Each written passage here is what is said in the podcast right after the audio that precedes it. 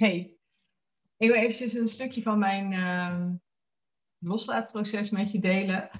En wat daarin heel belangrijk is, is het maken van keuzes. En als het even kan, ga ik het maken van keuzes uit de weg. En ik weet inmiddels, nou, dat weet ik eigenlijk al heel lang, maar intussen is het bewust uh, weten, dat geen keuze maken ook een keuze is. En um, daarom probeer ik nu keuzes bewuster te maken, zelf te maken, in plaats van het lot te laten beslissen. Of een ander te laten beslissen. Want ja, dan ben je pas echt de controle kwijt. Ik heb dus heel lang gedacht dat ik controle had door geen keuzes te maken. Want ja, als je gewoon blijft waar je bent, dan uh, ja, dat is een keuze, zeg maar. Maar inmiddels weet ik dat er veel meer controle ligt in wel zelf keuzes maken. Uh, de keuze waar ik op dit moment tegenaan loop is. Uh, oh ja, nee. Ik ben dus bezig met uh, mijn huis verkopen.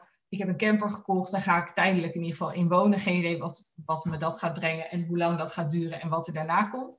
Maar in ieder geval tijdelijk. En ik heb dus ook besloten dat ik keuzes pas maak op het moment dat het nodig is heel vaak vragen mensen bijvoorbeeld uh, aan mij, op het moment dat ik besloot, ik ga mijn huis verkopen, vroegen mensen, oh, maar hoe ga je dat doen? Waar blijf je dan ingeschreven? Dat ik dacht, weet ik veel. Uh, zie ik wel als het nodig is. Want tegen de tijd dat mijn huis verkocht is, zijn we misschien alweer drie maanden verder. Dus waarom zou ik me daar nu druk over maken? Wat er nou bij mij vaak gebeurt, is als ik twintig keuzes te maken heb, dan doe ik niks. Dan verzand ik in, uh, in paniek. En ik, ja, ik reageer op paniek met freeze in plaats van fight or flight. ik, ik bevries en gebeurt er helemaal niks meer. En dat is twee jaar geleden gebeurd en vorig jaar. En, en daarom zit ik nog steeds in dit huis. Als het een heel fijn huis is, daar gaat het niet om. Maar mijn, mijn ziel, mijn uh, hogere zelf heeft me al lang verteld dat ik dit huis mag verkopen. Dus dat ga ik doen. En uh, one, one step at a time, one choice at a time. Nou, dat. Vorige week besefte ik dat het tijd was om echt te gaan kiezen uh, of ik mijn kat meeneem in de camper. En ik heb allerlei dingen geprobeerd, nou ja, geprobeerd, om een soort van um, mezelf gerust te stellen. Dus ik heb haar op een gegeven moment meegenomen om te wennen in de camper. Nou, dat was niet echt een succes, want ze rende weg. Ik heb haar meegenomen. Um, uh, dat was eigenlijk helemaal waar. Eén keer rende ze weg nadat ik de deur had opengezet van we gaan weer terug naar binnen. Uh, ik heb een, uh, een GPS-tracker gekocht die ik om de nek kan hangen. Ik heb een rugzak gekocht waarin ik er mee kan nemen naar een supermarkt bijvoorbeeld. Voor als het warm is in de camper en ik toch even naar buiten wil. Ik ben al aan het kijken of ik een bench kan regelen waar ze in kan. Maar steeds was er een stukje in mij wat, um, naast dat ik een soort van vertrouwen had van het komt wel goed. En dit gaan wij gewoon rocken met z'n tweeën. Was er ook een stukje dat knaagde van ja, maar wat als het voor haar niet de beste keuze is? En wat nou als ik mezelf, weet je, ik ben op zoek naar vrijheid, maar wat nou als ik mezelf juist heel erg beperk in mijn vrijheid als ik een kat mee op pad neem. Want het is niet zoals een hond. Hè? Je neemt hem niet even gezellig mee aan een lijntje en laat hem eventjes buiten zitten op het moment dat je boodschappen gaat doen. Ik weet niet zo goed waarom daar verschil in is, maar er zit verschil in. Want ik zie nooit katten buiten een winkel zitten. Honden ook weinig meer tegenwoordig, maar goed. Um, dus ik, ik stagneerde in mijn keuze. En dat maakte dus ook dat ik niet meer op pad ging. Want moet ik nou die kat nou meenemen of niet? Ik maakte dus geen keuze. Uh, dus ging ik ook niet meer. En het stomme is nog dat ik daar die kat ook nog de schuld van heb gegeven ook. Terwijl eigenlijk ligt het bij mij. Ik kan namelijk geen keuze maken. Dat ligt niet aan die kat, dat ligt aan mij. Dus wat ik net gedaan heb om een keuze te maken, uh, is ik heb twee briefjes geschreven. Char mee in de camper, Char niet mee in de camper. Uh, de kat heet Charlie, dus Char mee in de camper, niet mee in de camper. Die heb ik dichtgevouwen. En ja, ik heb hem uh, cheat-proof gemaakt. Want uh, aan deze kant van het briefje uh, staat niks. Dus ik kon er ook niet doorheen kijken. Um, en ik wist al meteen nadat ik ze dichtgevouwen had, niet meer zeker um, welke wel of niet was, zeg maar. Dus dat, dat was, ik voelde ook echt, ik heb geen idee. En dat was goed. Want op het moment dat mijn mind bezig is met bedenken, oeh, welke zou het zijn? Welke heb ik een beetje scheef opgevouwen? Dan ga ik me daarop focussen in plaats van op het gevoel van de briefjes. Uh, vervolgens heb ik ze op de grond gelegd, best wel een stuk uit elkaar.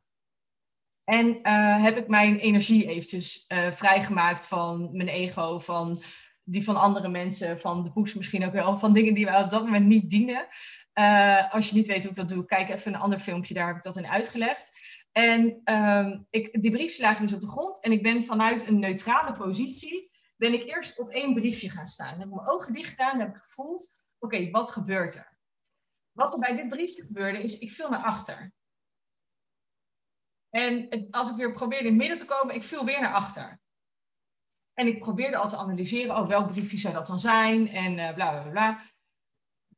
Maar dat heb ik even losgelaten.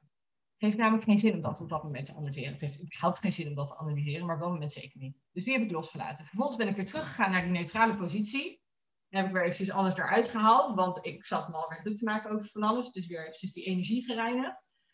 En vervolgens ben ik op dat andere briefje gaan staan. En daar viel ik naar voren. Wat zou dat dan betekenen? I don't know. Oké, naar voren vallen. Prettig gevoel. Vooruitgang. Oké. Ehm, naar achter vallen. Ja, eigenlijk een soort van angst of zo. Een soort van wegbewegen. Oké. Dus ik voelde, naar voren vallen is een ja. Die wordt het dus. En naar achter vallen is een nee. Die wordt het dus niet. En ik durfde bijna de briefjes niet op te pakken. Wat het was. ik dacht, oh my god, ik zou met, van allebei de opties zou ik namelijk zenuwachtig worden, voelde ik. En ehm, het briefje waar ik ja op voelde, is dus, Char gaat mee in de camper. En dat betekent dus dat ze meegaat. Hoe lang, uh, op welke manier, I don't know. Maar ze gaat mee. dus um, de volgende keer dat ik met de camper op pad ga, ga ik haar meenemen.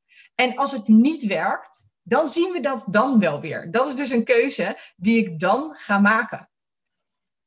Ik hoef niet alles nu te weten. En misschien ben ik over een maand wel klaar met dit hele camperleven. Hè? En ben ik een, een community binnengereden waar ik de rest van mijn leven ga zitten.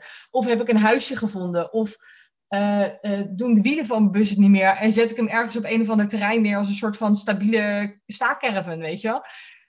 I don't know. Dus ik heb nu echt puur op gevoel. Want, want mijn hoofd denkt alweer honderd dingen. Ja, maar en hoe dan? En wat gaat ze er wel niet van vinden? En wat doet het wel niet bij mijn vrijheid? Bla, bla, bla, bla, bla.